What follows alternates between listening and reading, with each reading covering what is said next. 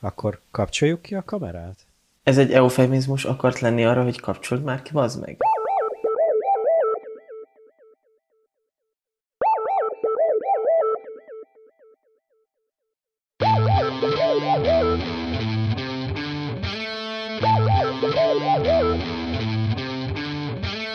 Köszöntöm a kedves A Nem Uncsi követőket, én Péter vagyok, és itt van Gergő is. Sziasztok, jó estét! 16. részéhez ért a podcast sorozatunk.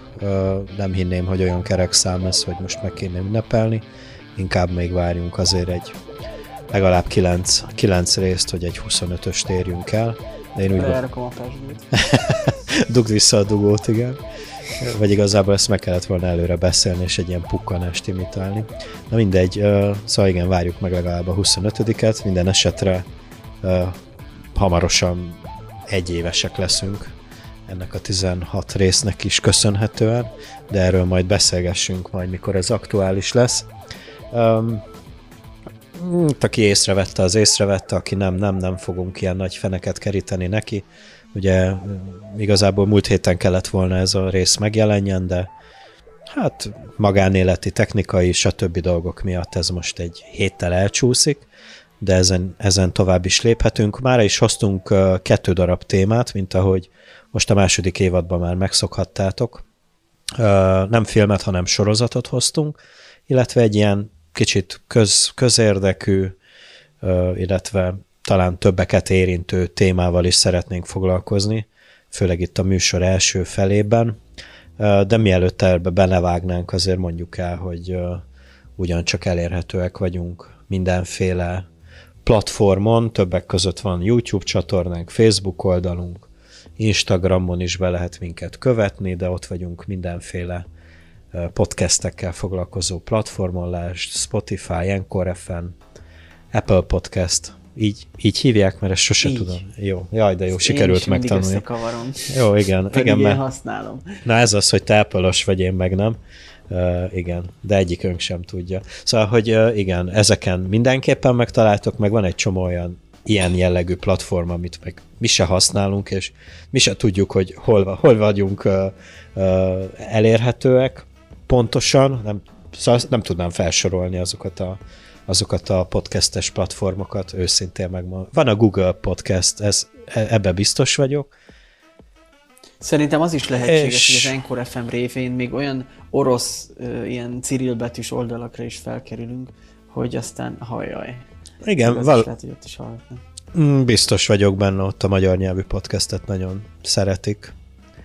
Uh, nem tudom, ezt nem beszéltük meg, hogy erről beszéljünk de uh, ugye az Encore FM-men uh, szokott lenni ilyen összegzés az eddigi részeinkről, kapunk ilyen mindenféle analíziseket, hogy kik hallgatnak minket, hol hallgatnak minket, melyik részünket hallgatták meg a legtöbben, és ezek, most nem tudom, hogy ezek mennyire up-to-date-ek, tehát hogy ilyen mennyire naprakész uh, adatok, de érdekes módon, hogy hogy az eddigi 15 részünket Magyarországon hallgatják a legtöbben, számszerűleg 79%-a Magyarországon hallgat minket.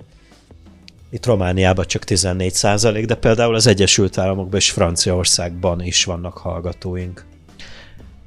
Nem tudom, kik azok, de... Nézegettem én is valamelyik nap ezeket a statisztikákat, és egész jó arányok. Hát, hát biztos lehetne jobb is, de én, én például nem tudom, hogy ezt te hogy... meglepő. Igen? Amennyi energiát fektetünk bele, szerintem annyit vissza is kapunk. Uh-huh. Uh, illetve Spotify-on hallgatnak minket a legtöbben, hogyha ez uh, van itt egy ilyen uh, hallgatási platform leosztás is, és ott is elég magas, 60, 66 százalékban hallgatnak minket Spotify-on, és utána következik az Apple Podcast 13 százalékkal, úgyhogy igencsak nagy űr van a kettő között, és van itt egy Overcast nevű platform, amit nem tudom, hogy mi az. Ezzel gondoltam, hogy ilyen cirilbetűs orosz oldalak, mert nem fogalmam sem sincs róla, hogy mi lehet ez az Overcast. Ami, ami engem a legjobban meglepett még itt a statisztikákat böngészve, hogy nőneműek hallgatnak minket többen, bár nem ugyanekkora arány különbséggel, mint a platformokon. 39% nő és 33% férfi hallgatónk van. Mondjuk van 28% nem besorol. Igen, igen, igen, igen, azt akartam mondani. Hogy ez, nem hogy ez is mit jelenthet? Illetve a 36% a hallgatóinknak 35 és 44 év, 44 év közöttiek, de van mindenféle korcsoportból hallgatunk, mondjuk a 0 és 17 év közöttiek nem hallgatnak minket, nem tudom miért. Szomorú, uh, hogy az de... ezt nem sugározzák. Igen. Nem rakják be időnként egy Halász Judit szám után. Vagy az elemi sulikba, illetve nagyon kicsi a 45 és 60 pluszosok közötti korosztály is, de én azt hiszem, hogy hogy nem is nekik készítjük ezeket, úgyhogy szerintem ezek rendben vannak ők ezek a... Léci, ha egy mód van rá. Na jó, uh, akkor vágjunk bele a mai első témánkba, ami hát olyan címszó alatt fut itt a mi kis összegzős tabellánkon, hogy internetes adásvétel, ami ugye azért jutott eszünkbe, mert hogy a, erre a második évadra készülvén, még a nyáron egyszer-kétszer hosszabban beszélgettünk itt egymással, felvételen kívül természetesen, ilyen magánéleti dolgokról, és nekem a nyáron volt egy ilyen, hát egy ilyen nagyobb projektem, több, több olyan használati eszközömet töltöttem fel ilyen internetes adásvételi platformokra, amiket így nem feltétlenül láttam értelmét, hogy itt a a lakásban legyenek, mert hogy nem használtam őket, és ugye erről beszélgettünk, és aztán mikor a témákat kerestük a második évadhoz, ez így szóba jött, hogy ez például egy olyan egy olyan dolog, amit sokan használnak, és nekünk is, ha jól tudom, azért van tapasztalatunk ebben. Abszolút van tapasztalatunk, és ö, szerintem azért is aktuális ezt elővenni, legalábbis a magam szempontjából mondom ezt, hogy azért a Covid alatt sok mindenkinek szerintem keletkezett bevétel kiesése. És hát ki hogy van vele, ez mindenki személyesen dönti el. Én például személy szerint úgy vagyok, hogy bármi, amire szükségem van, és tudom, hogy kell, vagy kelleni fog, vagy szeretném kipróbálni, akkor nem feltétlen vagyok hajlandó a teljes vadonatújárát kifizetni, ha tudom, hogy ez egy olyan termék, amit egy kellő odafigyeléssel használtan úgy meg tudok vásárolni, hogy mondjuk az eredeti ár egy harmadáért, akkor azt a maradék kétharmadnyi pénzt inkább félre rakom, főleg most a Covid alatt. Ami... Vagy, vagy fordítva eladni. Igen, teszem azt, el kell adni valamit. Most jártam is így, Covid elején vettem meg valamit, majd ha esetleg beszélgetünk részletesebben és kitérünk erre, akkor, akkor azt részletezem, tehát nem, le, nem jött a Covid, meghiúsította, és akkor itt állt nálam, és eladtam a nem olyan rég interneten, és hát annak kapcsán is született egy-két érdekes beszélgetés az adásvétel, a tervezett adásvételek megkötése előtt vagy kapcsán.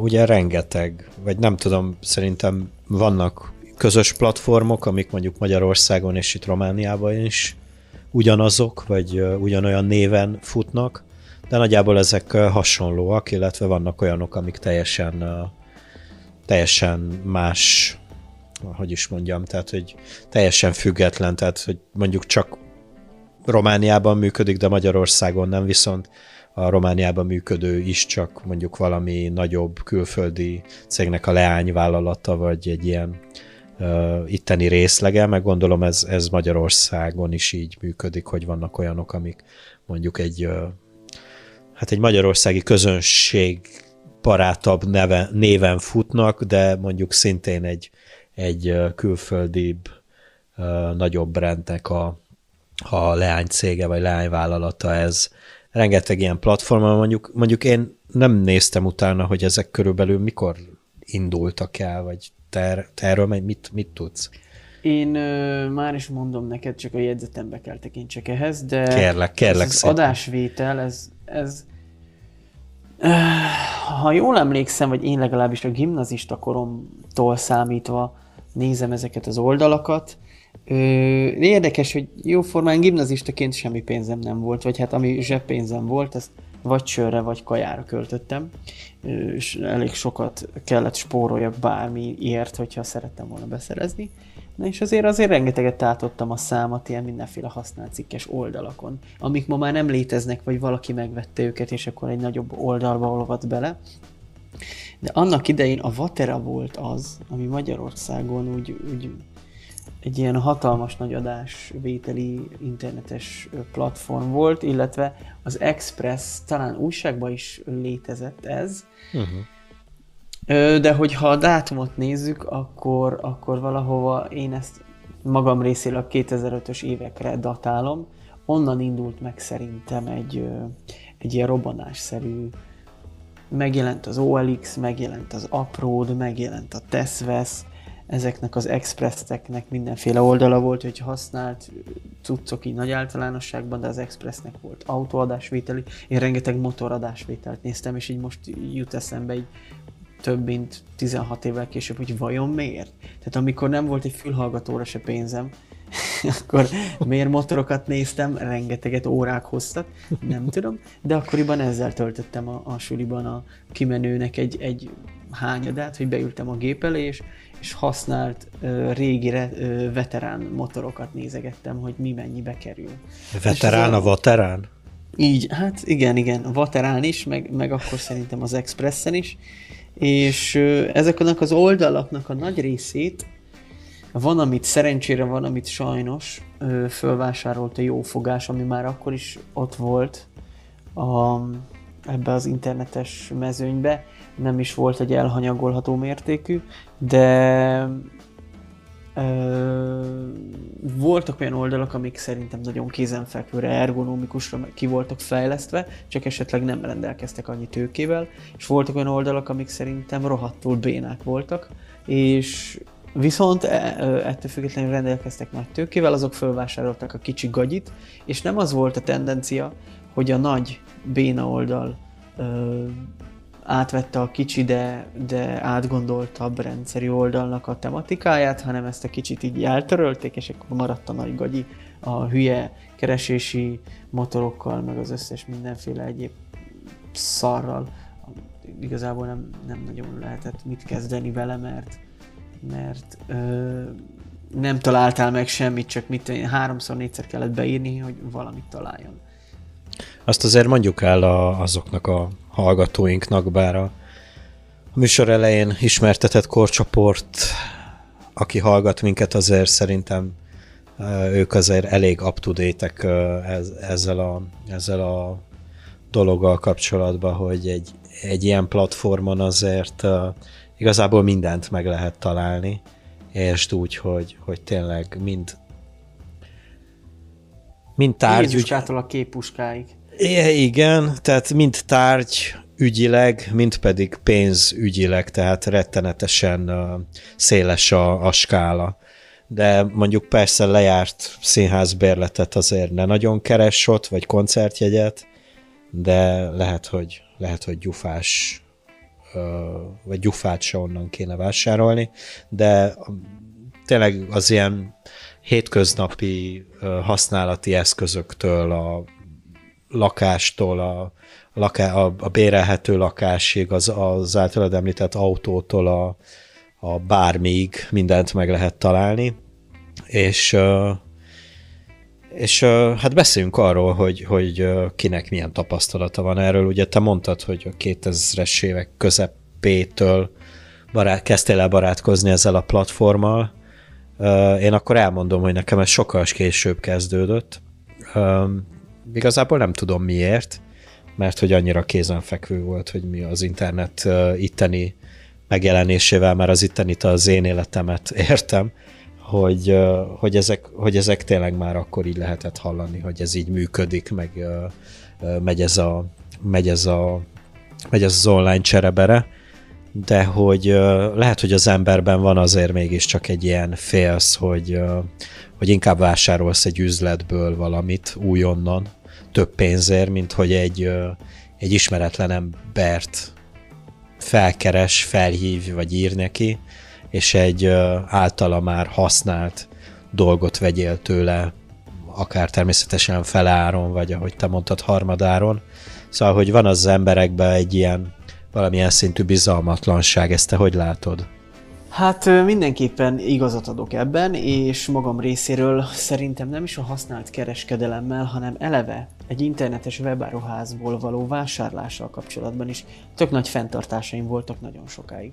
Szerintem nagyon sok idő telt el, és azt hiszem, hogy már inkább egyetemista voltam, amikor életemben először saját szakállamra, bár akkor még borotválkoztam jóval többet, mint most, de hogy ezzel a képzavarral érjek, a borotvált arcommal saját szakállamra vásároljak saját pénzemből interneten keresztül valamit, az ilyen 2009 környékére datálható.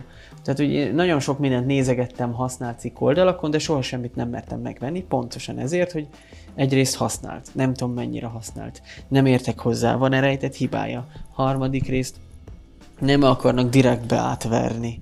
Meg hát annyi, mondom még egyszer, hogy ezeknek a, a dolgoknak, vagy a hozzám közel állósága, vagy azért áll közel hozzám, mert eleve nem rendelkeztem pénzzel ezekhez a dolgokhoz, elegendő pénzzel, és akkor mindig nézegettem, hogy újba használatban mit lehet venni. Szóval mindig egyfajta bizalmatlanság volt, és életemben először tényleg egy ilyen, egy ilyen majd, hogy nem, lehet, hogy erős túlzással élek, de egy ilyen kinyilatkoztatáshoz hasonló, ilyen megnyugvásos, ilyen jé, ilyet lehet élmény volt, amikor először interneten valamit megrendeltem, előre utáltam bankkártyán, azt hiszem, és kihozta egy futár, és kibontottam, és tényleg az volt benne is.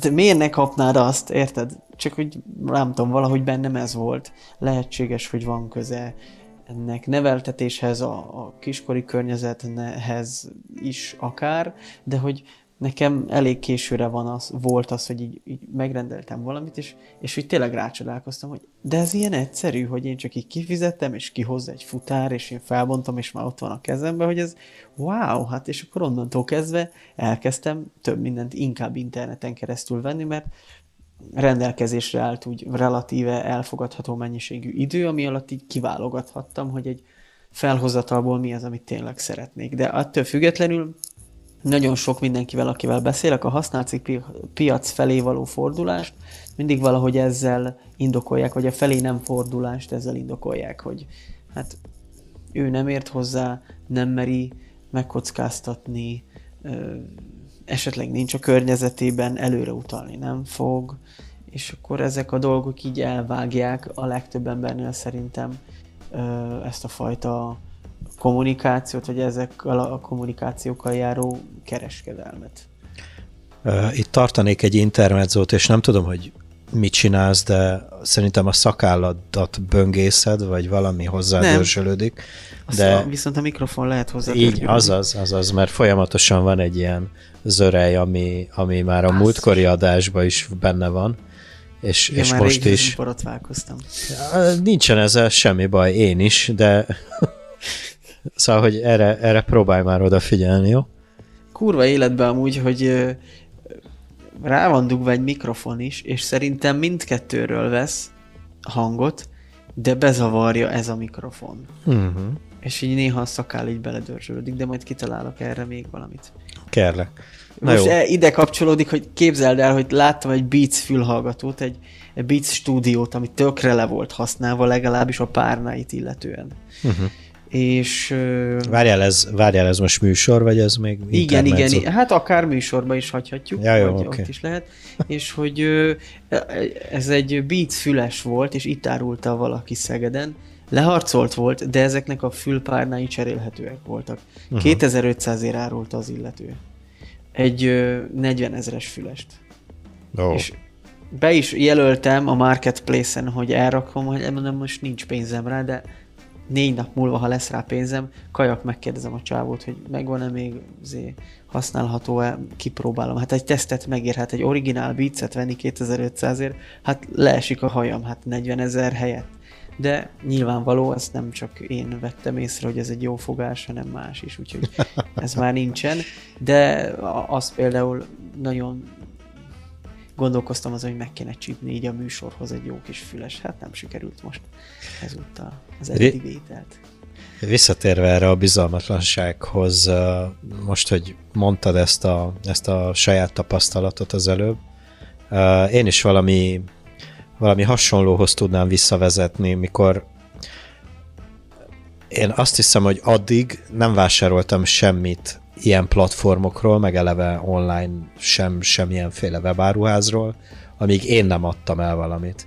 Tehát igazából akkor kezdődött meg a bizalmam ezekkel a, ezekkel a platformokkal kapcsolatban, amikor én kezdtem el valamit árulni, és sikeresen túladtam ezen a dolgon, és én akkor láttam ezt meg, vagy akkor tapasztaltam meg, hogy, hogy hú, ez tényleg ez ennyire egyszerű, és ez így működik, és hogy tényleg kell egy ilyen bizalom az emberekkel kapcsolatban, hogy természetesen biztos, meg van ilyenféle tapasztalatom is, arról majd talán később ejtek pár szót, hogy, hogy biztos, hogy rengeteg ilyen uh, ember van, vagy cég van, akik, akik direkt erre, erre építik fel ezt az egészet, hogy átverjenek embereket, de hogy, uh, de hogy mi egyszerű hétköznapi emberek tényleg meg akarunk valamitől szabadulni, amire nekünk nincs szükségünk, megtehetjük azt, hogy fogjuk és kitesszük a kukába, de miért, miért tennénk így, miért nem csináljuk azt a dolgot, hogy,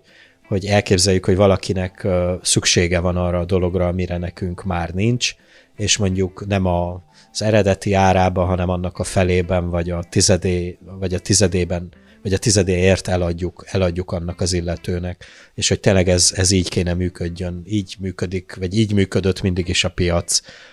Most ez legyen akár hétköznapi árutól, mit tudom én, gyümölcstől, zöldségtől, akár milyen mostani 21. századi elektronikus vagy bármilyen ö, készülékkel kapcsolatban. Szóval ez mindig is így működött, és akár kiviheted a piacra, kiteheted egy asztalra, és ugyanúgy, ö, ugyanúgy oda kimehet valaki, és megnézegetheti, és megveheti, mint ahogy ö, ennek az internetnek köszönhetően ö, ö, arra, arra, arra virtuális asztalra teszed ki, és, és hagyod, hogy onnan nézegessék meg, és vásárolják meg az arra érdeklődők.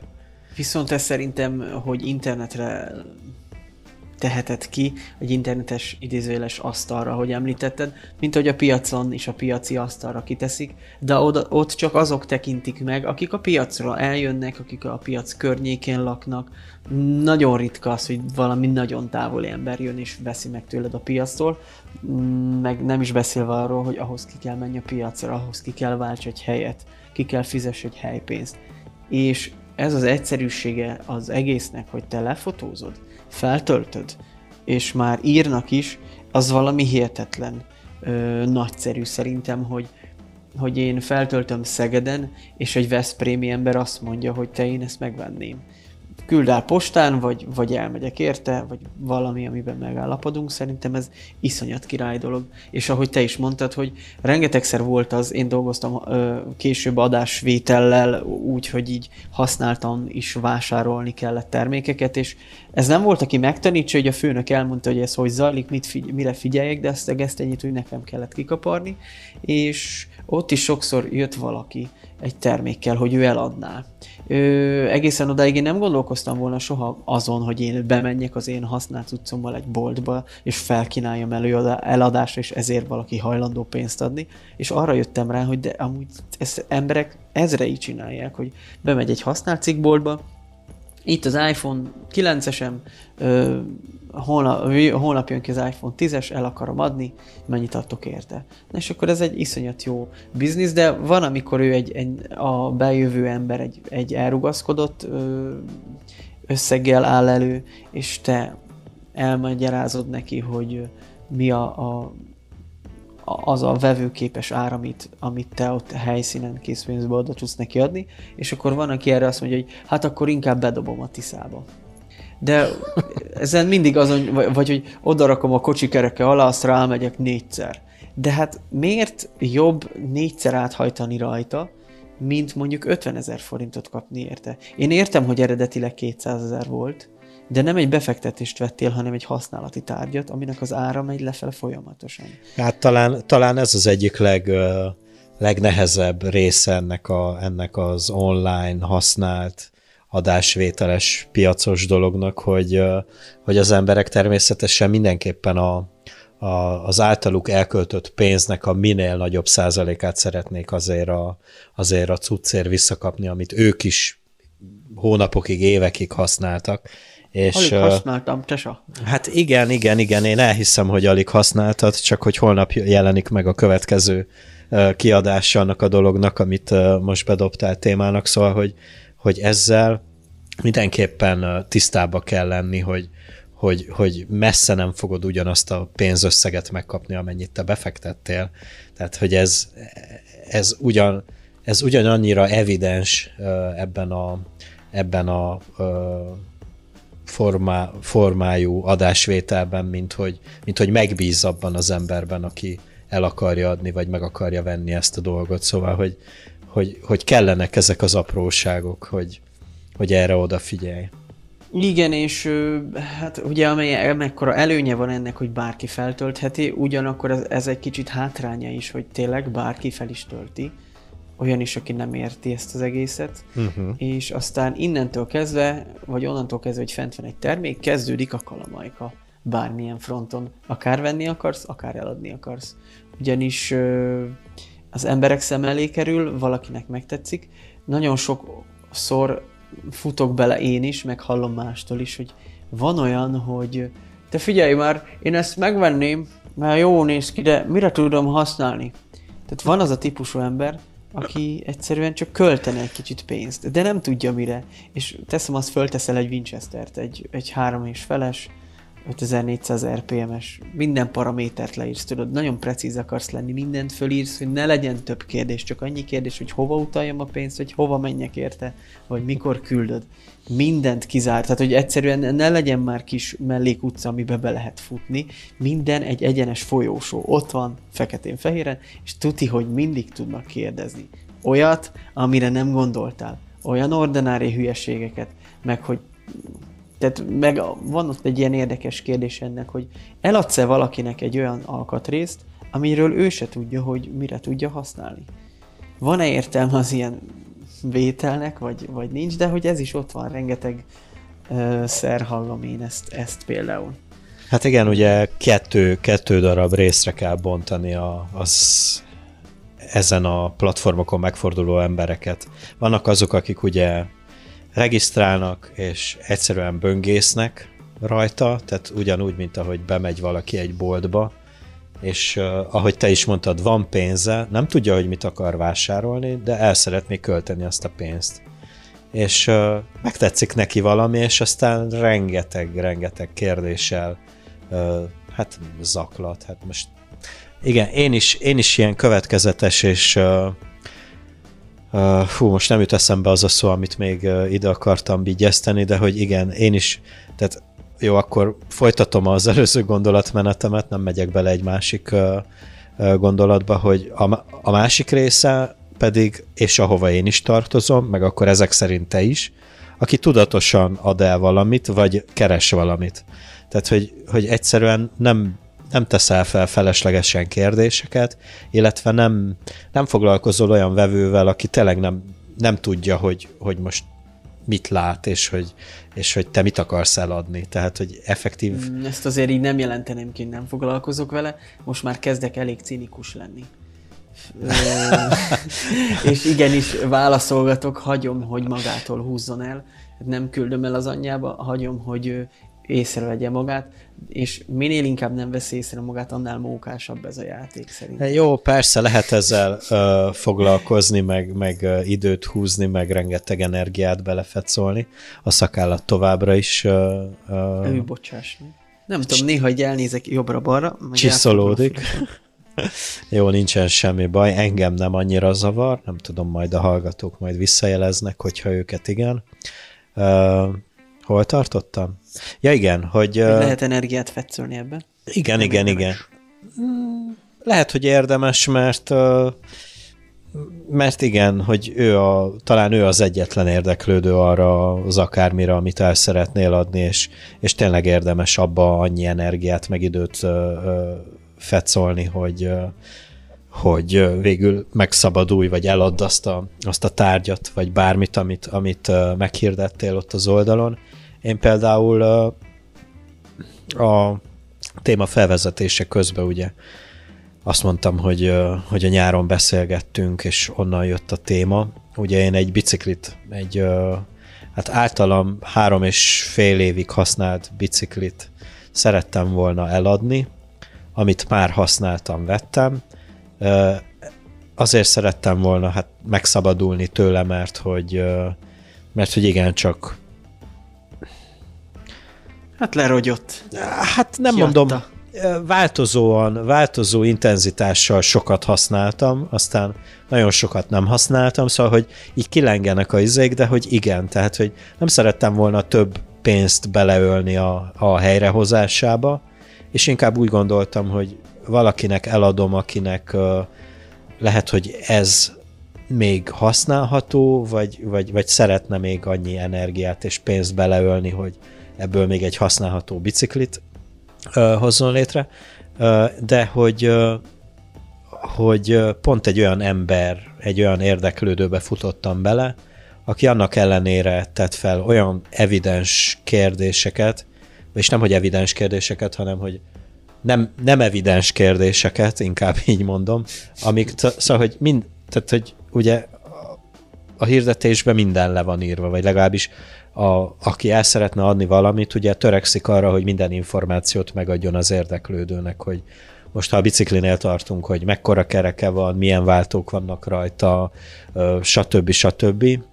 És folyamatosan ilyen kérdésekkel zaklatotta, idézőjelben zaklatotta a későbbi megvásárolója ennek a használt biciklinek, amik, amik minden, tehát szóról szóra le volt írva oda minden, és mindenre rákérdezett, sőt még ugye általában ugye azért szere, ugye vizuális emberek, mint az emberiség 85%-a ugye a vizualitást részesíti előnybe, ugye képeket töltünk fel a hirdetésekhez, hogy, hogy ha nem is élőben, de legalább képek formájában lássa az illető, hogy, hogy, hogy, hogy mi az a valami, amit én el szeretnék adni. Vegyen. Igen, és akkor, és akkor, és akkor még ilyen kérdések is társulnak a, a felesleges kérdések mellé, hogy esetleg képet tudnék-e küldeni a, a, a dologról. És, és akkor így, így effektív így gondolkozol, hogy most, hogy most hülyé, hü, hülyének néz a fickó, vagy, vagy, vagy ő hülye, vagy, és akkor így nem tudod, hogy most, hogy most tényleg, hogy akkor hagyjuk az egészet a picsába, vagy akkor menjünk bele, és akkor tényleg így napokig küldözgessünk még plusz képeket, írjunk le még plusz információkat, hogy aztán a meghirdetett árnak a felér aztán végül, végül eladjuk azt a, azt a, a mi esetünkben aktuálisan egy biciklit, és akkor ilyenkor így, így, így te is egy ilyen furcsa helyzetbe kerülsz, hogy, hogy akkor kell mérlegelj, hogy akkor most, most akkor meg akarsz igazából szabadulni attól a tártól, vagy, vagy tényleg meg szeretnéd igazából válogatni azt, hogy, hogy kinek akarod eladni? Én azt hiszem utóbbi vagyok az elmúlt években. Elég sokat vettem is interneten, elég sokat adtam is el interneten, és most már teljesen igyekszem azokra, a, a, vagy azok vele, a vevők fele fordulni, és általában a hasonló stílusban, mint ahogy fordulnak hozzám. Tehát, hogyha valaki nagyon alpári módon fordul felém, akkor nem azt mondom, hogy lesüljedek az őszintjére kommunikációba, de azért éreztetem vele, hogy, hogy nem minden áron eladó. Uh-huh. Ennek ennyi az ára, ennyiért árulja más is. El lehet jönni, ki lehet próbálni, lehet alkudni személyesen, face-to-face a termék mellett. Interneten jó, hogyha nem tudjuk lebonyolítani a bizniszt, akkor ilyeneket szoktok belalkudni, hogy postát állom esetleg, vagy ebbe az árba belefér a postázás, elszállítás, stb. Nyilván, hogyha olyan, akkor, akkor belefér, ezt oda kalkulálom, de hogy minden áron, minden hülyének nem eladó minden. Szóval, amikor fölfotózom, külön eltöltök vele egy fél órát, hogy csak a szöveget megírjam hozzá hogy a lehető legelőnyösebb képeket töltsem fel róla, hogy több platformra is felpakoljam, és mindent odarakok, hogy egyszerűen a legnagyobb, legszélesebb skálájú ember halmazt érje el, és akkor ezek után kéri, hogy fotó van-e róla, meg hogy megkérdez valami olyan nyilvánvalót, ami le van írva, akkor van, hogy megmondom, hogy figyelj, minden oda van írva a hirdetésbe, ami a termékkel kapcsolatos feltehető kérdés.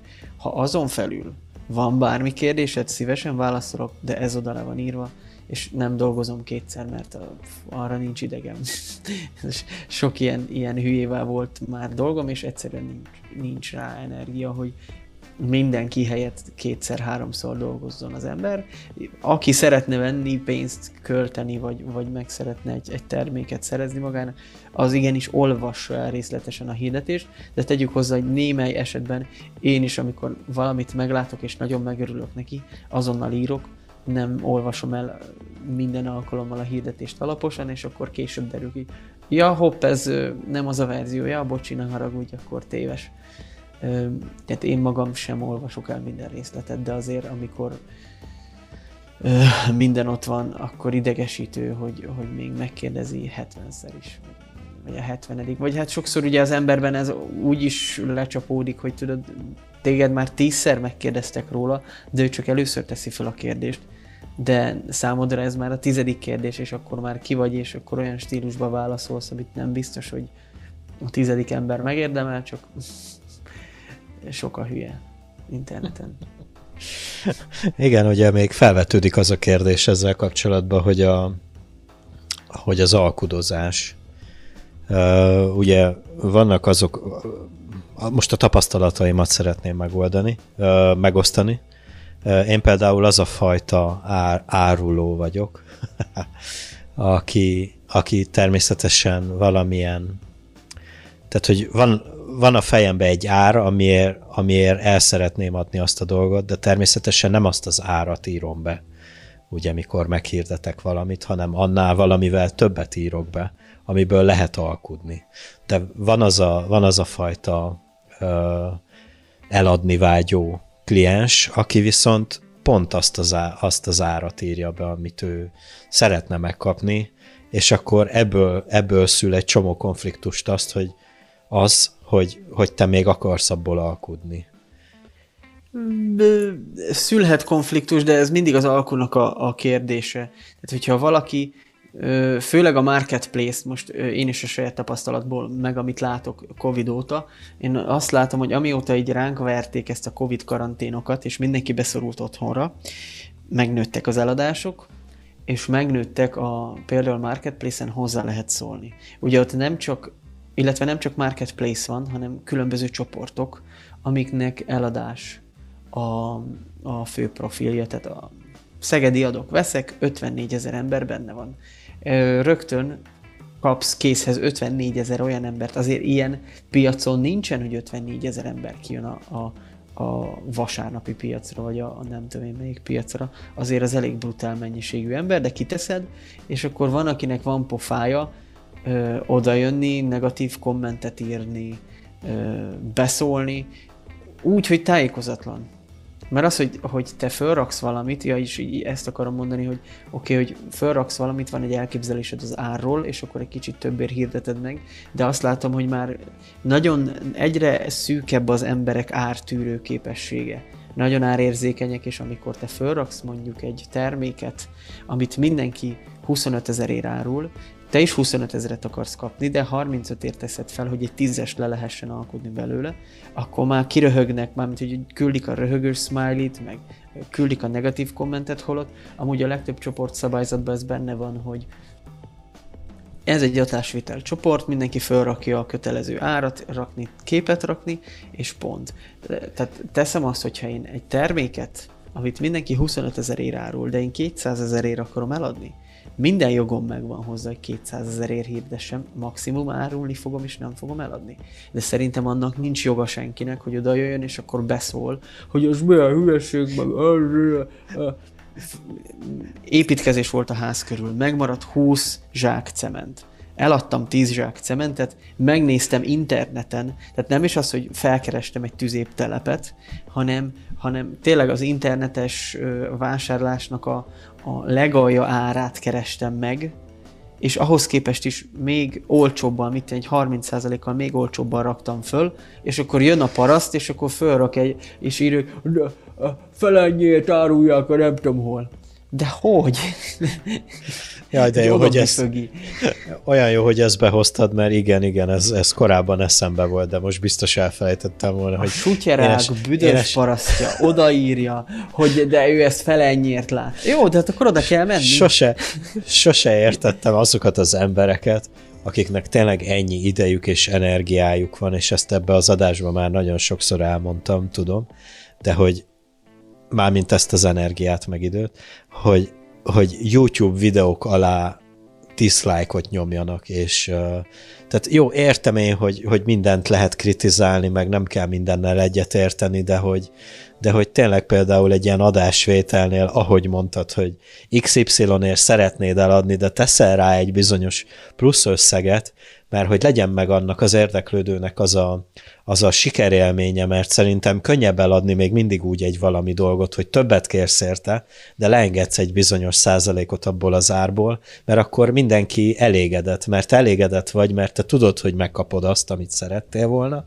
leengedted azt a bizonyos százalékot, ő, ő aki meg akarja venni, meg ezért örül, mert hogy sikerült lealkudjon egy bizonyos százalékot, és akkor van ez, a, ez az általad említett illető, aki oda kommentálja, hogy hát újonnan is meg lehet ezt venni ennyiért. Hát de, de hát akkor menjél és vedd meg, bazd meg újonnan. Hát de se... ő nem is akar olyat venni, amúgy az a Ja, igen, na, igen, hogy igen. venni Tehát nem is akar, de kommentel, mert ő úgy érzi, engem, hogy engem igazából ez nem érdekel, meg van nekem ebből három otthon, de azért ide írom, hogy hát újonnan is ennyi, az meg. Hát.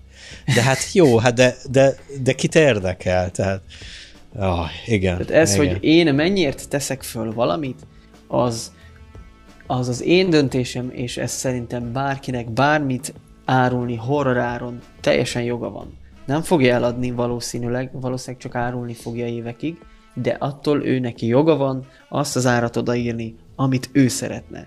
Az, ahhoz viszont szerintem senkinek nincs joga, hogy oda menjen és ócsároljon valakinek a szarát. Hát sajnos joga van, de... Vagyis Mm, na, lehetősége van. lehetősége van, igen. lehetősége igen, igen, viszont van, és akkor, hát én nem tudom, én például mostanában ráálltam erre, hogy, hogy hát ezt kicsiben kell elkezdeni, akkor van értelme, hogyha az ember ezt jelenti, és akkor ezeket a kommenteket szoktam jelenteni, a kommentelőket is felhívom rá a csoport adminisztrátorok figyelmét, több, többnek is, akár több módon is jelentem az illetőt, és akkor volt olyan például, hogy én is felraktam valamit, egy kerékpárt, nem is kevés pénzért, és jöttek a negatív kommentek, letöröltem a hirdetést, tízezerrel tettem föl kevesebbért, tehát úgy képzeld el, hogy 210 ezerért tettem fel, és 199 ezerért tettem föl még egyszer, tehát nem lépte át a 200 ezeret. Tehát tulajdonképpen 10 ezer forinttal olcsóban raktam föl, és ahhoz már senki nem kommentelt negatívat. Szóval így nem tudod eldönteni ez alapján, hogy az embereknek az a plusz 10 ezer forint miért fáj. Vagy miért nem fáj, de hogy nagyon érdekes, hogy, hogy jönnek, és, és én azért azt veszem észre, hogy egy kicsit összefüggésbe van ezzel a Covid bezártsággal, meg ezzel az otthonléttel, hogy az emberek nagyon befeszültek, nagyon frusztráltak, és ezt a feszültséget, a, ezt, ezt ilyen sok minden más mellett e- ezek, mell, ezeken a, a hirdetéseken is ö, levezetik. A hirdetőkön is levezetik. Mit adtál el, és mit vettél legelőször ilyen platformon? Pú, Pú. jó kérdés. Mit adtam el legelőször? Jó, amíg gondolkozol, én elmondom. Nekem mind a kettő számítógép volt, az egyik egy asztali, azt eladtam, illetve hát ha nem is pont abból, de utána egy laptopot vettem belőle. Uh-huh. Úgyhogy nekem, nekem ilyen számítógépes kalandjaim voltak legelőször. Utána jöttek a telefonok, azokat ö, ö, igen nagy intenzitással, ilyen nagyon rövid idő alatt sok telefont fogyasztottam. Mind adtam, mind vettem el, ezt a munkámmal volt összefüggésbe természetesen. Ö, azon kívül meg hát volt mindenféle amúgy. Én nekem most így mondott, szerintem kerékpár alkatrészek voltak az első ö, eladásaim, meg a vételeim használt ö, termék. Ö, kapcsán, és ez a testbike.hu nevű oldalon keresztül, illetve a bikemag.hu vagy bikemag.com nevű oldalon, mind a kettőnek volt apró hirdető része. A testbike-nak meg alapvetően az volt régebben a célja, hogy bizonyos kerékpár termékekről lehetett írni véleményt, hogy te tesztelted, használtad, megvetted, és akkor milyen értékelést adsz neki, és akkor ezt, hogyha te mondjuk megkeresi egy másik ember a, a, azt az adott alkatrészt, akkor elmond, elolvashatja róla pro és kontrát. Még ez még az ilyen szerintem ilyen árgépes, meg, meg ilyen Google-os értékeléses időszakok előtt volt, és akkor nagyon hasznos volt egy ilyen oldal, ami így ezeknek, ezeknek a termékeit, termékeknek a, a jellemzéseit írta le, így magánemberek, és akkor azoknak az apró hirdetőin vásároltam, meg adtam el sok bringás alkatrészt, mire összeraktam mondjuk az első bringámat. Szóval kifejezetten kerékpáros élmények voltak az első adásvételek.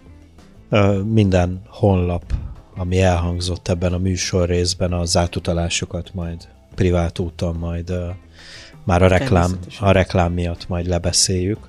Ugye Patreon oldalról is beszéltünk már, hogy tervezünk ilyesmit, úgyhogy oda majd a támogatásokat ezektől az oldaloktól mindenképpen várunk. Nem tudom, hogy ezzel a témakörrel kapcsolatban még van-e gondolatod?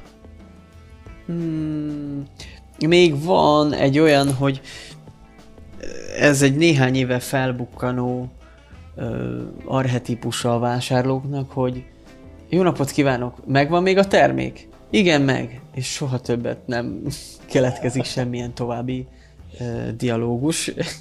Így ezzel, ezzel meg is szűnik. Hogy ezeket sose értettem. Hogy ez az a típusú ember lehet, gondolom, aki bemegy egy boltba, tátja a száját, jó napot, mivel segítettek? Á, semmi, csak nézelődni jöttem. De hogy ez, ez például egy számomra egy ilyen igen, és akkor ez, ez ilyen online is lemehet ez a beszélgetés, hogy de amúgy érdekli? Izé, Jaj, nem, nem, csak érdeklődtem, hogy megvan-e még. Aha, igen, igen. És tök érdekes, hogy, hogy vannak ezek a, a vevők, idézőjelben, vagy hát nézelődők, hogy rád ír, hogy megvan-e még. Persze meg.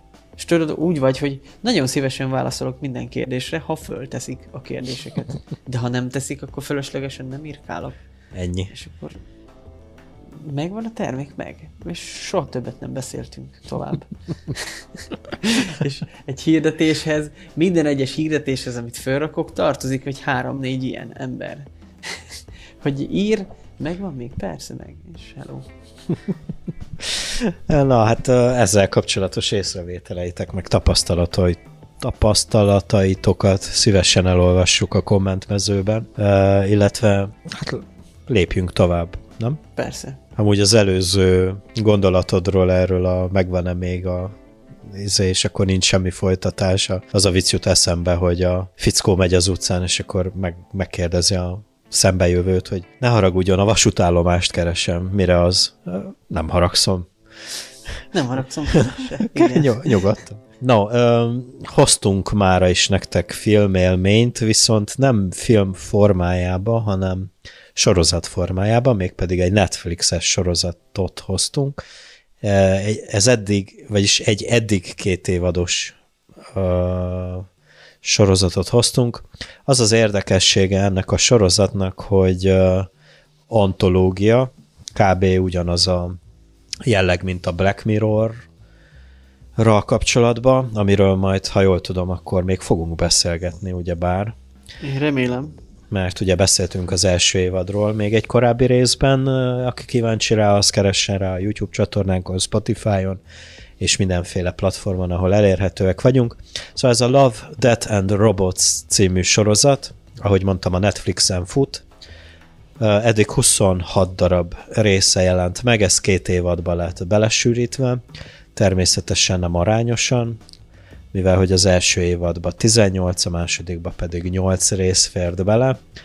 Um, amivel ugye el lehet adni ezt a sorozatot, az Tim Miller, illetve David Fincher neve, ugye ők az alkotók, a producerek, um, és ami még fontos ezzel a ezzel az antológiával kapcsolatban, hogy, hogy ezek animációs rövid film részek. Ez alatt azt értem, hogy ilyen, hát ilyen, tehát ilyen nagyon változó, hosszúak a részek, de általában ilyen 10-15 perces részekről beszélünk, valami pár perccel rövidebb, valami pár perccel hosszabb. Ugye, ahogy mondtam, az első évad 18 részes. Nem olyan rég néztem újra mind a két évadot, körülbelül az év elején, mikor megbeszéltük, vagyis az év elején, az évad elején, mikor megbeszéltük, hogy ez majd szóba fog kerülni, én akkor gyorsan ledaráltam egy-két-három nap alatt, annak ellenére, hogy már az első évadot kétszer láttam ezelőtt, illetve a második évadot az idei év májusi megjelenése után megnéztem. Uh, hát nekem ilyen, ilyen nagyon változó élményeim és uh, észrevételeim lesznek majd a részekkel kapcsolatban. Mesélj te is valamit. Hát alapvetően um, engem meglepett, hogy Tim uh, nem is a, Miller. A, a, nem is a Tim Miller, meg a akit egyébként nagyon nehezen találtam meg Jennifer Miller, hanem a David Finchert akartam mondani elsőre, hogy így... Uh, várj, bocsánat, hogy a szabadba vágok, de ki a Tim Miller, ezt gyorsan mondjuk elő, a Deadpool-al futott be. Ugyebár. Igen, tehát hogy uh-huh. ő neki köszönhetünk egy jó pár érdekes filmet, akiről szintén így, most itt Tim Miller neve nekem nem rém lett, de a Deadpool-t azt láttam, mondjuk a Terminátor sötét végzetet nem, a Thor sötét világot szintén nem.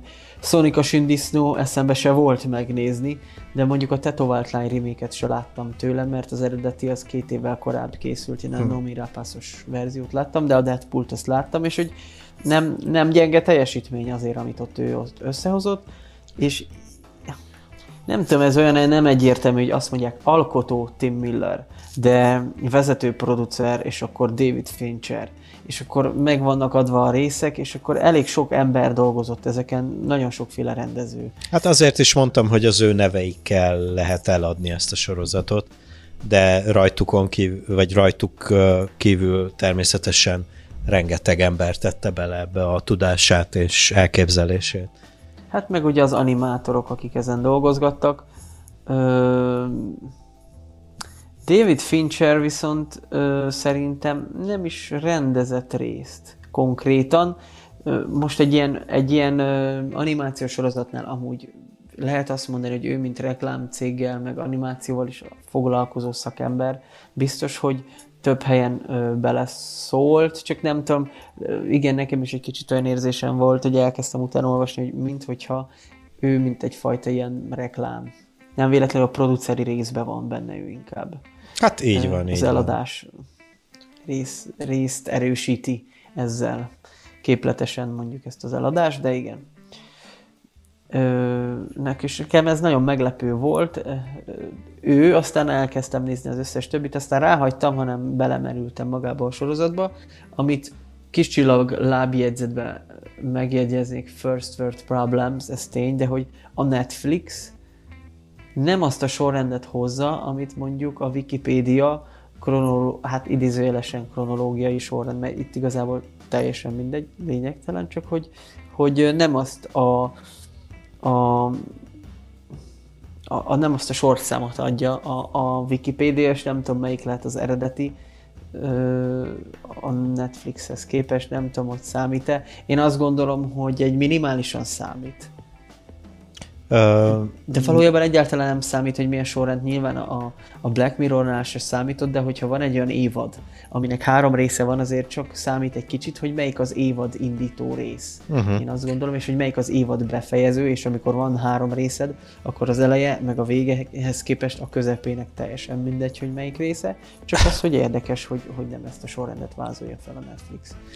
Ezzel kapcsolatban azt szeretném elmondani, hogy ugyanúgy, mint a Black Mirror-t, ezt sem a Netflixen kezdtem el nézni, tehát mikor én hozzájutottam bármiféle formában, jó, letöltöttem torrentről, akkor ugyanebben a sorrendben láttam a részeket, amit, hogyha bepötyögitek a Wikipédiába, hogy Love, Death and Robots, akkor, akkor úgy ebben a sor, egy bizonyos sorrendben mutatja meg a, mutatja be a részeket, Na én ebben a, ebben a sorrendben néztem meg az első évadot. Igen, ahogy mondod, a Netflixen viszont már teljesen más sorrendben volt. Most az újranézésnél már a Netflixes sorrendben néztem, egy kicsit furcsa volt, de mivel hogy antológia nem függnek össze a részek, ezért uh, igazából bármilyen sorrendben el lehet ezeket fogyasztani. A második évadot mind a kétszer a Netflixen láttam, úgyhogy az meg már adott, hogy, hogy, ott, hogy ott megvan a sorrend.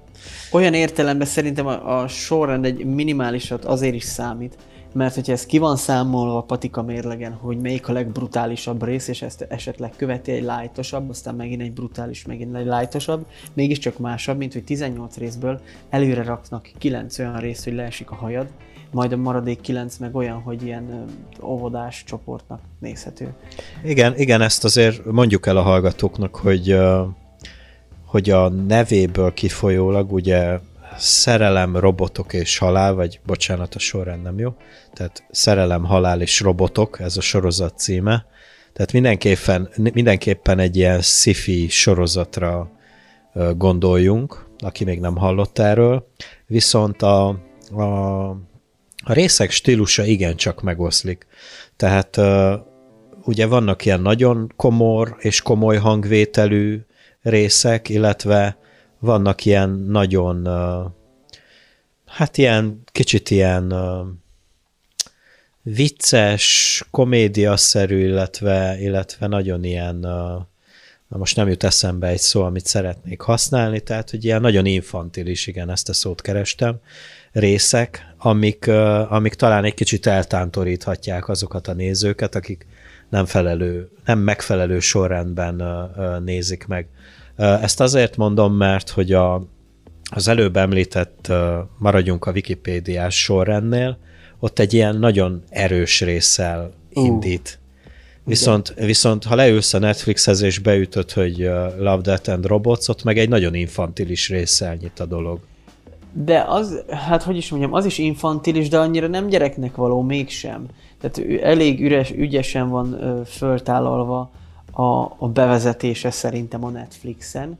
Az szerintem egész kidolgozott az a sorrend, mert kapsz egy ilyen, egy ilyen fotorealisztikus, mégis disztópikus ö, kin, kinézetű, ö, tök szép látványvilágot három robottal, és azért ott elég sok csontváz, meg ilyen, hát ha nem is kibelezett, de már ilyen elhúnyt, meg, meg ilyen hasonló tetemet láthatsz, és mindeközben poénkodnak, és iszonyat erős a, az első résznek a, az első résznek az a, az a dialógus, ami oda meg van írva, szerintem, hogy így olyan poénos, de nekem nagyon tetszik az a karakter, az a leg legantimodernebb kinézetű robot, ami, ami inkább emlékeztet a 70-es évekbeli robot elképzelésekre, és hogy olyan, milyen szlengeket levág néha, de ehhez képest, a, a hangulathoz képest meg ez a Sony előnye nevű ö, epizód, az valami brutális, hogy, hogy, hogy ki van dolgozva. Ö, egy nyilván egyrésztről megértem, sok, sok szempontból meg nem értem meg ö, az animáció alkalmazását, mert ha jól veszem le, akkor itt tulajdonképpen a, a szereplők színészek ö, alapján lettek megformálva, és ő rájuk lett húzva egy, egy fotorealisztikus 3D animáció, ami nyilván az egy szabad kezet ad, mert hogyha valamit meg kell rajzolni, akkor sokkal több lehetőséged van ezt 3D-ben megvalósítani, hogy kifröcsög az agyvelő, hogy, hogy, emberekhez viszonyítva mekkora tárgyak mozognak. Nyilván itt, itt kinyílik a világ. Ugyanakkor bizonyos részekben azt érzem, hogy nem annyira indokolt ez, hogy akkor most itt ö, ö, a, de miért nem szerepeltetjük a valós embereket a, az animáció helyett, valamint, valamint vannak olyan epizódok, ahol szinte jelenetről jelenetre ez, ez szerintem keverve van. Hogy egyik jelenetben a valódi színész látjuk, a második jelenetben meg már ugyanannak a színésznek a 3D ö, levariált verzióját. Szóval érdekesek ezek a kever technikák. Igen, van, van egy-egy rész, ami, ami tényleg nagyon valósághűnek tűnik, és tényleg úgy néz ki, mintha valós szereplők, vagy hogy nem, nem hogy mintha, hanem, hanem én konkrétan a, az első évad 16. részében az Ice Age, vagy hát Jégkorszak című részben ismertem fel egy, egy színészt, és aztán utána néztem, hogy, hogy tényleg ő az. Ő a Topher Grace, akit különböző filmekben, meg sorozatokból ismerhetünk, és ő is meganimálva, vagy hát nem tudok, nem vagyok annyira otthon ezekben a, ezekben a technikákban, hogy ez hogy működik, de hogy, de hogy igen, tehát ő egy élő ember, de mégis egy ilyen animációs ö, ö, részben szerepel, vagy hát nem, hogy részben, hanem, hanem mindegyik rész animációs tulajdonképpen, és, ö, és tulajdonképpen több, több, több ilyen rész van, ahol, ahol valószínűleg ö, ö, húsvér emberek adják az arcukat, illetve a testüket ehhez, csak meg van variálva a dolog. Ez az első év a 16. része, a jégkorszak, ez az a rész, amikor megörökölnek egy hűtőt? Így van, így van, így Ö, van. Abban a részben az a két színész, az, az csak az arcát adja, tehát ha jól uh-huh. olvastam az IMDb oldalán, az az egy olyan epizód, meg az ez a két karakter, akiket nem animáltak meg a film során. Hát de mégsem élő szereplős a rész, tehát hogy van egy, van egy ilyen grafikai ö, érzete az ő arcuknak. Lehetséges, de hát most de mindegy is tulajdonképp, csak hogy, hogy ahogy olvastam egy angol oldalon, azt hiszem ott, ott az, azt jegyezték meg, hogy ez a két szereplő ö, saját magát adja, az összes uh-huh. többiben meg animálva van. Ugyanakkor nekem a vérfarkasos részben az az érzésem, hogy az a, az egyik szereplő az ugyanez a csávó, nem? Vérfarkasos, az most hirtelen nincs meg, egy kicsit segíts. Mindjárt mondom neked, mert most Netflix és, és Wikipedia között ugrálgatok, hogy az első évad alakváltók, shapeshifters, nem? Az lehet az? Á, igen, igen, tudom, mert az az irakos, vagy nem tudom, I- még közel Irakban két ilyen uh-huh. speckó. Nem, nem, nem, nem, nem, nem, nem. Nem, nem ugyanarról a színészről beszélünk. Amúgy tényleg most, hogy mondod, hasonlítanak, de nem, nem, nem. Jó, én azt hittem, hogy ugyanúgy ő adja a, nem. a skint hozzá.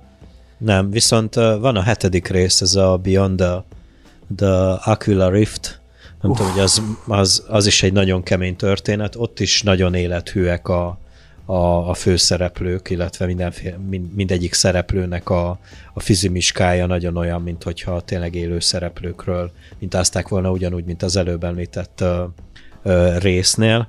Ö, na hát ez, ezek ilyen, ilyen apróságok, amiknek mondjuk lehet, hogy jobban utána kellett volna nézni. Én annak örülök a film kapcsán, hogy most ezek ilyen 12-17-11 perces részek, elképesztő mennyiségű átadni kívánt üzenet van belezsúfolva sokszor egy 10 perces részben is, és ennek ellenére ö, így volt idejük nagyon szépen kidolgozni a látványvilágot is, szóval ez azt, azt mondom, hogy csillagos ötös. Ugye science fictionről beszélünk legalábbis, ö, leginkább science fiction, de talán ez egy ilyen burkolás, vagy ez egy ilyen, egy ilyen ö, díszlete a science fiction, a, mondjuk a disztópiának, mert szerintem alapvetően a, a sorozat a disztópia műfajban indul.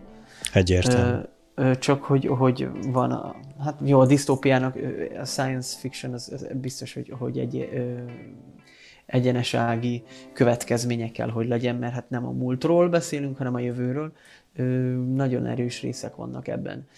Ö, és ha a Netflixen nézed, akkor a három robot infantilis része után ö, ugye rögtön jön ez a sas hasadék, ö, ahol ők eltévednek. Hát az igen erősen ö, igen erősen mély víz szerintem látványvilágban is, meg, meg azért beleúszunk ott erősen a horrorba.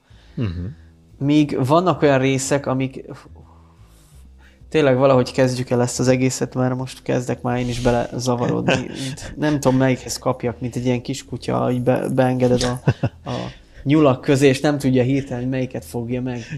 Hát, hát az infantilis részek részekkel kapcsolatban én ugye ez a három robot, ami a Netflixen a nyitó rész, a, ha nem Netflixen pedig a második.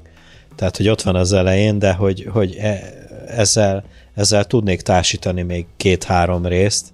Például a, a, van ugye az a, az az alternatív történelem című rész, az azt hiszem az utolsó mm. előtti, ahol uh, ugye Hitlernek az életét uh, próbálják más köntösbe, illetve más alternatív történésekkel bemutatni. Na, az például nagyon hát az infantilis, de na, vicces azért. Én például azon e- legelőször nagyon jól szórakoztam, utána már, már igen, inkább, inkább, inkább kicsit erőltetetnek tűnt, illetve volt még az a, a, az a joghurtos rész, igen. mikor a, a joghurt átveszi a világuralmat, na, tehát, hogy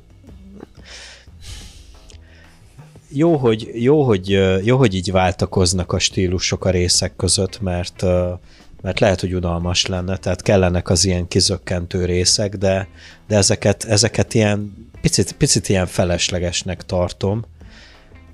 Annak ellenére, hogy egyet is értek egy picit a, a mi voltukban, meg kicsit ellene is vagyok, hogy, hogy ilyen nagyon erős részek után egyszer csak jön egy ilyen, jön egy ilyen nagyon... Rész. Igen, de hogy, de hogy ez nincs természetesen nagyon jól vagy megfelelően adagolva.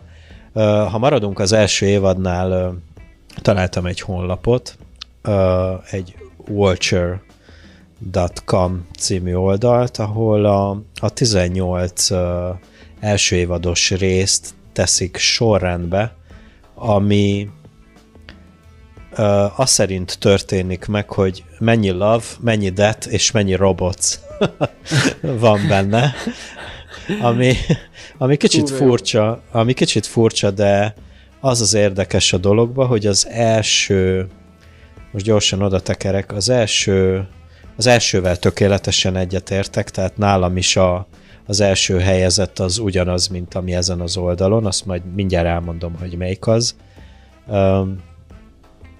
Picit váltakoznak a, a, a, a részek az ízléssel kapcsolatban. Ja, és van még egy ilyen infantilisabb rész, ez a Sucker of Souls, az a lélek szívó, Szívó. vagy uh-huh. nem tudom, hogy volt a, az eredeti, vagyis a, az eredeti igen, de hogy a magyar cím nem tudom. Az is kicsit ilyen viccesebb, kicsit infantilisebb, sab. Uh, de akkor térjünk ki a, az én kedvencemre. Nekem kettő darab kedvencem van, vagy talán inkább három, az előbb említett, nem tudom, hogy mi a magyar cím annak a, a, amit az előbb említettem, ez a Beyond the Aquila Rift, ennek mi a, mi a magyar cím? A sas hasadék. Uh-huh. Ugye ez a, ez a hetedik rész, vagy nem tudom, hogy ott hanyadik. Itt Netflixen a második. Oh. A izé szerint hetedik hetedik a Aha. originál szerint. És a, a, a Love, Death and Robots alapján besoroláshoz képest az hanyadik? Uh, hát igen, ez szerint uh, bocsánat, egy picit gyorsan tekerek. Ez hatodik helyen van. Love van benne, ugye, Death nincs benne, bár ebben azért egy picit tudnék vitatkozni, illetve Robots is van benne úgyhogy, úgyhogy mivel itt vita tárgya, hogy van-e benne halál, vagy nincs, úgyhogy én előrébb Egyetlen sorolném. Van. Szerintem is van, sőt, illetve a másik kedvenc rész az a, az, az eredetiben a, az utolsó rész, a Secret War, amihez ugye magyar kapcsolódás is van, ugye Zorkóci István rendezte ezt a, ezt a részt, ez nem mennék bele a részletekbe, de egy igen látványos és misztikus és baromi jó rész. Baromi Talán jó az, rész, igen. Talán az egyik legjobb ez a titkos háború. Ö, nagyon jól hozza. Azt magyaráz már meg nekem, így kis csillag lábjegyzetbe térjünk egy mellékvágányra. Miért van az, hogyha egy oroszokkal teli ö, filmet nézel, ami le van szinkronizálva, a szinkron emberek miért beszélnek orosz akcentussal? Vladimir, hozd hát... ide testvérem a vodkát, hát ígyják belőle egy kicsit. Érted? Tehát ők oroszul beszélnek, és hogyha ezt szinkronizálják, akkor az az orosz az olyan, mint ahogy mi magyarul beszélünk. Akkor uh, miért van az, hogy szerintem, szerintem itt érzéket, érzékelhető Vladimir Putyin 21 éves uh, miben léte, tehát hogy itt a megfelelési kényszernek a, a, a mi volt a Fú, hát ezt nem értem sose. De, de, de igen, igen. De jól vágom. hozzájön, tehát abszolút hozzátesz, sokkal oroszosabbnak tűnik a katona, bár ott a vörös csillag egyértelműen meg a Kalasnyikova kezébe, de hogy Vladimir Vladimirovics izé, dialektba kell beszélni azonnal. Még akkor is, ha szinkronizálsz. Uh-huh. Tabornok? Tabornok? ja, ja, ja. Uh, na, szóval ez a kettő, ez, ezt nagyon erősnek érzem, ezt a két részt. Uh, mielőtt elmondanám a kedvencemet, van még kettő darab rész, ami talán gyengébbek az előbb említett kettőnél, de mégiscsak van bennük valami, valami nagyon érzékeny dolog. Az egyik az a hú, most ezt nem kerestem meg. Mondjad, és akkor keresem. Uh, hát itt az eredetiben ez a Na most nem találom. Ez a halas, ami ott a sivatagba játszódik. Ö, Gyere mondom neked. Az a cím, hogy a halott halak szelleme. Igen, és az angol. Ja, a Fish Night, jó, ez a 12. részben van, az eredetiben. Uh-huh. Uh, ez egy ilyen picit ilyen mély, mély, mélyebb, lélektanibb rész, ahol, ahol nincs szerelem, nincsenek robotok, viszont halál az van, illetve egy picit ilyen, ilyen metafizikaibb ö, ö, átérzése, illetve életérzése van ennek a résznek. Um, Sokszor olyan érzésem van egyébként a részekkel, amikor elkezdtem nézni a harmadik rész után azt, azt éreztem, hogy, hogy ez egy, egy olyan, mint egy Black Mirror-t néznék, csak felcsavarva. Uh-huh. A, Abszolút, így, így tehát ha Black Mirror a 100% akkor ezt valahogy fölcsavartak ilyen 165 százalék fölé. Egyrészt, másrészt egy csomó részre lehetne hozni alternatívát. Például ö, ö, a szemtanú. Emlékszel arra részre? Uh-huh. Az itt a 18. ezen a listán, uh-huh. tehát mhm. az utolsó helyen van. A szemtanú, az kifejezetten nekem a, a hogy hívják, tibeti halottas könyvnek a megfilmesítését, nem itt eszembe hirtelen akartam mondani. Ö, hmm. ö, Passz. Néztük, beszéltünk is róla. Kaspar Noé rendezte. Ja, jó, oké. Okay. Uh, Into the Void. In, uh, Enter the Void. Nekem kifejezetten az jutott eszembe a, erről a részről. A díszlet alapján, nem feltétlen a, a a cselekmény a, a, a díszlet alapján az Enter the Void jutott eszembe. A, a segítő kézről kifejezetten a, a Gravity című film. Igen, igen. Jutott, a Szerencsés 13-asban az az űrhajó, az majdnem tökéletesen úgy néz ki, mint az Avatárban azok az űrhajók, amikkel mentek a bolygóra, meg amikkel így közlekedtek. Uh-huh, uh-huh. Mármint a James Cameron féle avatarról beszélek, nem az anima, a animéről. A Zima Kék is egy nagyon érdekes rész volt. Jó, hallod, nem írtam le az összes ilyen alternatívát, de hogy akkor például van egy olyan ö, mozzanat, ami a titkos háborúba volt, ugye ezek a furcsa lények. Uh-huh. Ezek szerintem feltűnnek a lélekszívóban is, feltűnnek a páncélos védelem című epizódban is, ahol a, gazdák így ilyen gépekkel próbálják igen, igen, igen, igen. Szerintem ami, ugyanaz... ami egy az egybe a, izé, a, a na, mondjad már a másik Netflixes sikersorozat, a Stranger Things.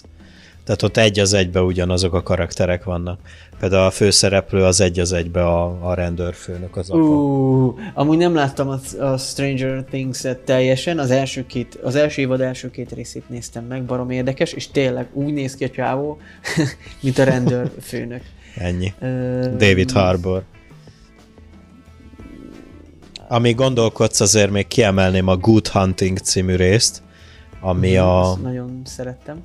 Ami a, a nyolcadik rész az eredetiben, illetve ezen a bizonyos alternatív listán a negyedik helyen van, és szintén arról szól itt a kategorizálás, hogy, hogy love nincs, bár ezzel is vitatkoznék, mint ahogy korábban Igen, van. abban nincs love. Hát szerintem meg kurva nagy love van, sőt Rohadtul ilyen van. univerzális love van benne.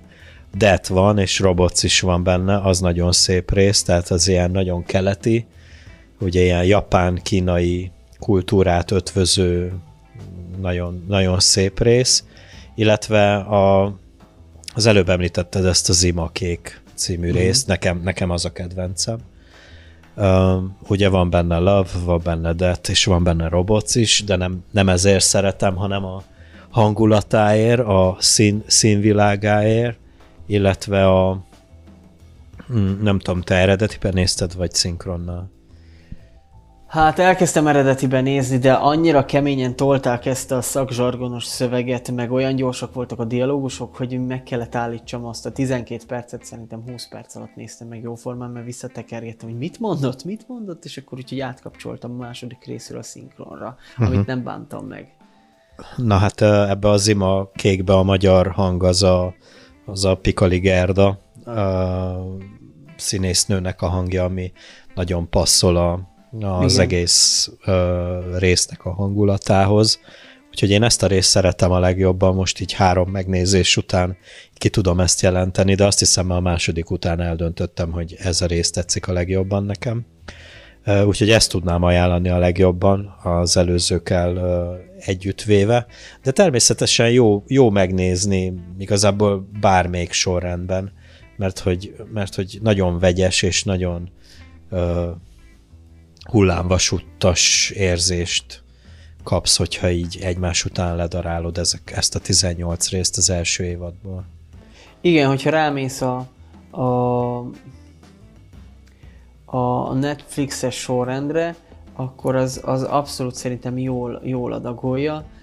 Szerintem térjünk ki egy pillanatnyit a, a második évadra, uh-huh és onnan is ö, most a, a Wikipédia szerint a második évad, ö, az például azt abban a sorrendben adja le a Netflix is, ahogy, ahogy a Wikipédián van. Igen, igen. Ö, és ez szerint én kettőt kiemelnék. Rögtön a második évadban a, az utolsó előtti rész, az Üzemzavar című rész. Nekem abszolút a, a Black Mirror negyedik évadjában van az a robotkutya, azt hiszem.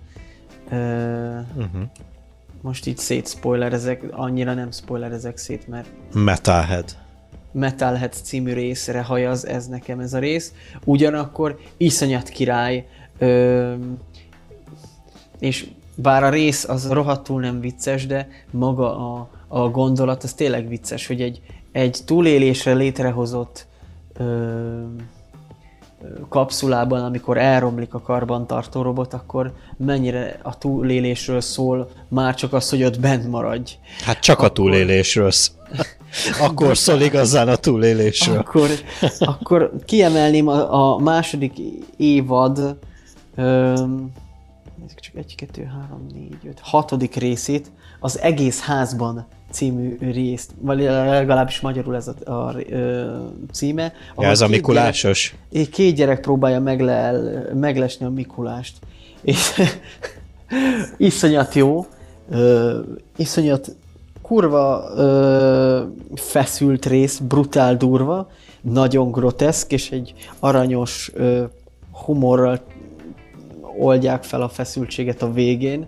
És az a legrövidebb része az évadnak az e- legrövidebb része, de az ebben levő lény, a Mikulás lény, uh-huh. az totálisan úgy néz ki szerintem, mint azok a lények, ahol a gazdák páncéllal próbálják megvédeni, ami egyébként a, a Titkos háború című részben uh-huh, ö, uh-huh. megidézett lény. Szóval szerintem ö, nyilván ennek, én belegondolva azt gondolom, hogy van egy ilyen gazdasági része is, hogy ha már kidolgoztunk csodaszépen egy, egy ilyen mutáns lényt, akkor tök gazdaságos felhasználni az alapvető skineket szerintem a következő filmekre is, mert nem a nulláról kell felépíteni egy új szörnyet, ami egyszer bevált, azt tudjuk használni. Kicsit úgy, kicsit úgy ismétli magát az az érzésem, ö, így a sorozat, de abszolút megbocsátható, illetve szerintem egy nagyon komoly, már-már festményszerű, ö, festménybámuló ember melankóliáját ölti rád a második évad utolsó része, a megfullatóriás, ami annyira abszurd, mégis olyan természetességgel veszi, abba, hogy alig van dialógus igazából, az csak egy ilyen elmélkedés. De nagyon érdekes, szerintem azt sem kell, vagy tehát néz, nézze mindenki végig ezt a sorozatot elejétől a végig, de hogy, hogy ez, az, ez az utolsó rész, ez úgy, úgy elengedsz téged, tudod, eddig fogtad a sorozatot, vagy a sorozat fogott téged, és akkor így útjára enged, hogy akkor most kaptad ezeket a gondolatokat tőlünk, és itt van egy ilyen melankolikus rész, és utána innentől kezdve, ahogy így vége lesz ennek a résznek, kb. úgy, úgy, úgy meretten maradtam így a, a képernyő előtt, és akkor így gondolkoztam, hogy úristen, erről nagyon nehéz beszélni, mert, mert nagyon zegzug az az egész, hogy minden egyes rész több, több tucatnyi kis ö, mellékvágányt nyit meg, amiről aztán rohadtul lehetne beszélgetni ö, sokáig. Ö, a, szintén valahogy, valahogy a, az Enter the Void ö, részbe tudnám még bele, vagy, vagy érzéshez tudnám hozzáerőszakolni az a második évad második részét, a Jég című epizódot, ahol két testvér ö, megy ki a jégre, bálnákat nézni a nem tudom én milyen bolygón, vagy nem tudom én hol. Tehát akkor igazából ez úgy antológia sorozat, mint ahogy a, a korábban példaként behozott Black Mirror is, hogy nem függnek össze a részek, de azért ott ugyebár öt évad, itt két évad alatt azért vannak ilyen, ilyen pici kis pontok, amik, amiket ha akár többször megnézel, akkor így észreveszel ilyen kapcsolódási Igen, dolgokat. Nekem a második évaddal problémáim vannak, ugyanis a korábban használt izzadságszagú megjegyzésedet, ezt, ezt így az egész évadra tudnám ráhúzni. Én megmondom neked, hogy lehet, hogy újonnan hatott az első évad, és bár azzal is vannak egy-egy résszel problémáim, de nekem, nekem az egész második évaddal tehát én nem tudtam valahogy azonosulni ugyanúgy, mint az első évaddal. Tehát öm, nem nagyon, nem nagyon tudnám ezt megmagyarázni, hogy, hogy itt például nem tudnék a nyolc részből egyet kiemelni, amit azt mondom, hogy hm, igen, ez, ez, ez tetszett. Nem hogy, nem, hogy négyet, ötöt is hozni. Ja, hogy így felül múlja. Én ezt az egyet nagyon ki tudnám emelni, ezt a megfulladt óriást, de uh-huh. igazad van abban, hogy ez nem, nem szárnyal torony magasan a többi fölé sem, mint ahogy nem tudom olyan jelleggel kiemelni a második évadból, mint ahogy az elsőből mondanék mondjuk én is, vagy két címet. Ehhez képest nincs akkora eltérés a, a, rész, a részekben, meg tényleg nem, Nekem nem volt gond az egésszel, tehát nekem nagyon tetszett, bár most így, hogy nézem a, a, az, e, a második évad harmadik epizódja, az Élettelen Szemek, az például abszolút a, a hét nővér filmnek az alap sztoriát dolgozza föl szerintem. Tudod, melyikről beszélek, amikor uh, tilos gyereket vállalni. Persze, persze, persze.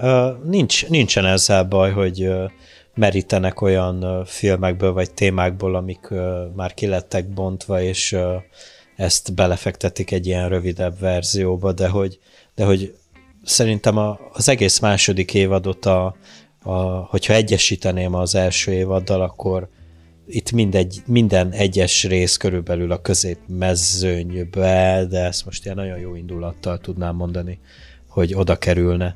Ugye itt ebből a második évad nyolc részéből is van hát, vagy két rész, ami szintén az ilyen infantilis verzió, az általad említett uh, Mikulásos rész, meg talán az első rész, ami, ami ilyen kicsit, hát viccesebb, de azért ilyen néhol kicsit debil. A többi hat rész kicsit komolyabb hangvételű, de, de hogy az első évadban is találni sok-sok-sok-sok olyan részt, ami, ami ezeket messze előzi. Ö, igen, az, az tény. De ha egy, tehát én úgy néztem végig, hogy egyik nap az, el, vagy hát három nap alatt a két évadot, jóformán minden nap ugyanannyi részt néztem meg, és ö, lehet, hogy csak az az ív kapott el, majd valószínűleg újra fogom nézni. Nekem nem voltak ekkora ö, fenntartásaim a második évaddal, de tény, hogy, hogy nincsenek akkora, tehát nem egy hullámvasút élmény a második évad. Uh-huh. Hát ö, ezerféle mód. Kibontsunk egy részt? Teljesen? Uh, talán, talán, de melyik, de melyik legyen az? Én arra uh, gondoltam, hogy lehetne mindkettőnk által favorizált rész. Jó. Például ö, a titkos háború. Uh-huh. Ami, ha jól vettem ki, akkor neked is az egyik kedvencet között van. Hát a top 5-ben van mondjuk a... Vagy mondjuk bontsuk ki az imakéket, mert lehet, hogy ott például egy pár dolgot hmm. én nem úgy vettem le. Ö, ugyanakkor viszont értem ö, a mondani valóját, úgy érzem. Uh-huh. És ide is tudnék egy párhuzamot vonni. Szerintem tudod is, hogy, hogy melyikre gondolok ha úgyis festészet és titokzatosság, akkor Banksy nevét hoznám ide. Ez ennek a zimakéknek a, az epizódja kapcsán, de ne rohanjunk ennyire előre. Uh-huh. Uh, jó, maradjunk akkor a zimakéknél. Uh, nekem, nekem azért fogott meg ez a rész, mert egy, egyértelműen elég kompakt módon összefoglalja azt a nagyon rövid, de elég univerzális történetet, amit így tíz részben mutat be nekünk ennek a, a résznek az elkészítője. Ugye itt egy ilyen karaktert mutat be a narrátornőnk, aki, aki tulajdonképp, tulajdonképpen egy ilyen hát ilyen nagyon leegyszerűsítve egy ilyen futottak még kategóriájából nőtte ki magát egy világhírű valakivé. Tehát ez, ö, lehet, hogy, lehet, hogy nem kéne elmesélni, a, a, hogy, hogy miről szól a rész igazából.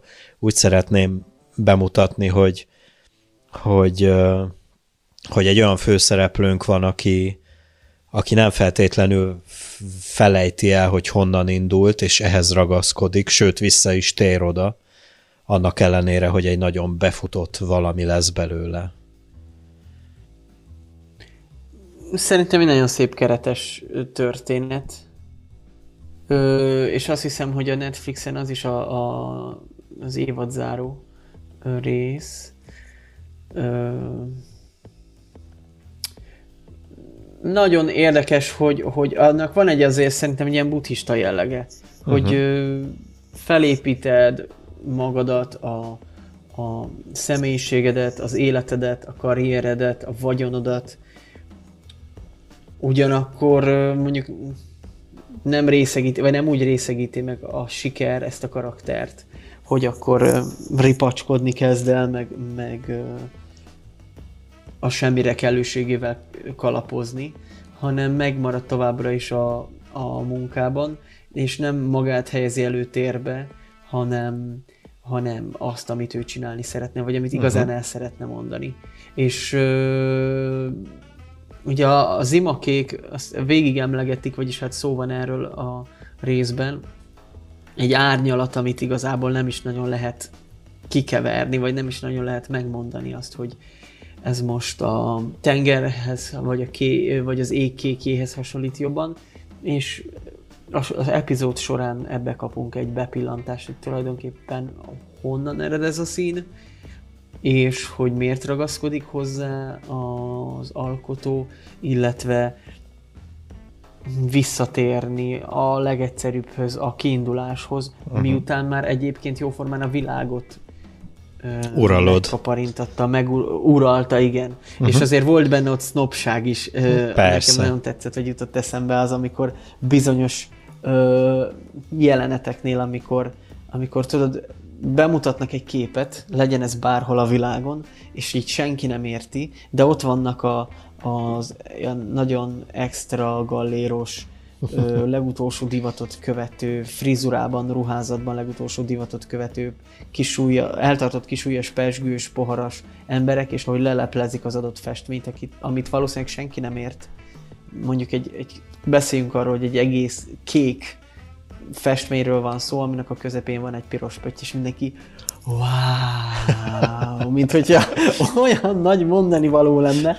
És, Nem, nem, nem, tehát e, ez a rész, ez a rész számomra a legazonosulhatóbb rész valamilyen formában, hanem száz százalékig, de kicsit tudok ezzel azonosulni, ezzel a, ezzel a mondani valóval, amit itt próbálnak bemutatni, és talán ez a legmélyebb mondani valójú rész a, a Hát mind a 26 részből, inkább így mondom. Nagyon kíváncsi vagyok, hogy próbálnak-e majd harmadik évadot is készíteni, és hogy, hogy lehet-e fölülmúlni itt a legjobb részeket vajon. Én azt olvastam, hogy már meg van kötve rá a szerződés, de hát ezt interneten olvastam, úgyhogy bármi lehet. Na hát ez már, ez már ilyen nagyon rosszul hangzik. Hát Mármint nem az, hogy lesz folytatás, csak hogy már, hogy hát már meg van kötve a szerződéset, akkor kell csináljunk még megint nyolc részt, vagy nem tudom. Igen, hát hogy mennyire lesz izzadságszagú. Na ez meg az. Érdekes ez a fajta ez a fajta aránytalanság a két évadban. Mondjuk az is érdekes, hogy miért ragaszkodunk minden áron ahhoz, hogy ha ez az évad 20 részes volt, akkor a következő is 20 részes legyen. Miért ne lehetne azt csinálni, hogy a következő évad meg 5 részes, mert csak úgy éreztük, hogy az 5, 5 részt tudunk úgy legyártani, hogy ez tényleg jó legyen. Uh-huh. Na, szóval... Hát mindegy, várjuk én. Én biztos meg fogom nézni, most akármennyire nem volt barátságos számomra a második évad, biztos meg fogom nézni a harmadik évadot, mert mert ebben a sorozatban még úgy érzem, hogy van egy bizonyos fajta olyan jelleg, ami, ami hozzám közel áll. Mindegy, most nem szeretnék belemenni a többi Netflixes sorozatba, mert vannak, vannak azért észrevételeim, talán majd egy másik részben erről beszélgethetünk. Mindenképpen állok elébe. Jó. Um, jó, hát nem tudom, hogy még van-e hozzáfűzni valód, vagy akkor ha, hagyjuk, azt a, gondolom, hogy... hagyjuk a hallgatókat is uh, gondolkozni ezen, vagy megnézni a, ezt a 26 részt, és aztán elmondani a véleményüket, hogy nekik melyik részt tetszett a legjobban, már hogyha van ilyen, vagy úgy össze, összevontan mi a véleményük erről a sorozatról.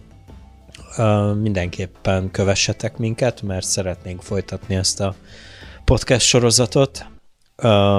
A 17. rész fog következni, de addig figyeljétek YouTube csatornánkat, Facebook oldalunkat, Instagramon is be lehet minket követni, és ott vagyunk minden, minden platformon, ami podcastekkel foglalkozik. Két hét múlva jövünk, addig is, addig is legyetek velünk, és jelezetek vissza, hogy hogy tetszik a munkánk. Ha tetszik, akkor azért kövessetek, ha nem tetszik, akkor meg azért, hogy pocskondiázzatok minket. Köszönjük a figyelmet, és sziasztok! Köszönjük, sziasztok! Dance, dance, dance,